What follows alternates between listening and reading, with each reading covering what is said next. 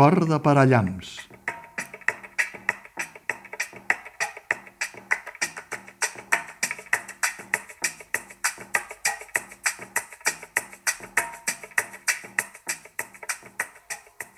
Quan jo tenia 11 anys, el meu germà gran era ocupa. I quan va passar tot allò de l'antiga la proseria de la muntanya, jo li deia per fer-lo enrabiar.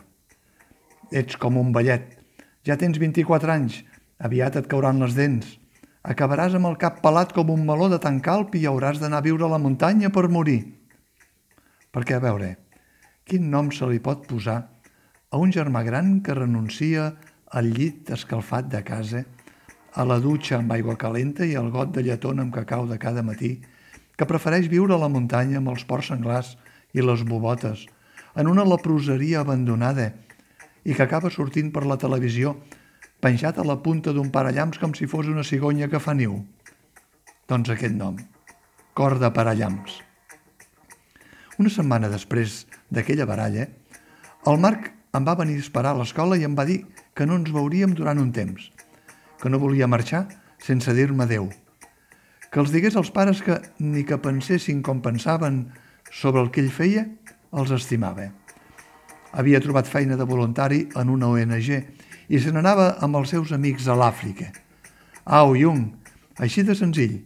Adeu i tapa't. Era així com anava? Primer t'enamoraves, després estimaves i després adeu i tapa't?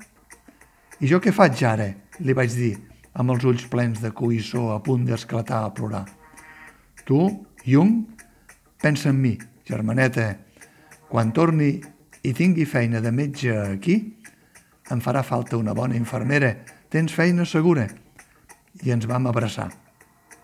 No li vaig dir escriu-me una postal des de l'Àfrica perquè no estava segura que a l'Àfrica hi hagués postals com aquí i, si n'hi havia, no sabia si els correus funcionaven prou bé. I aleshores em va venir tota l'hora les llàgrimes que havia aguantat, el cinglot, les ganes de cridar i el silenci.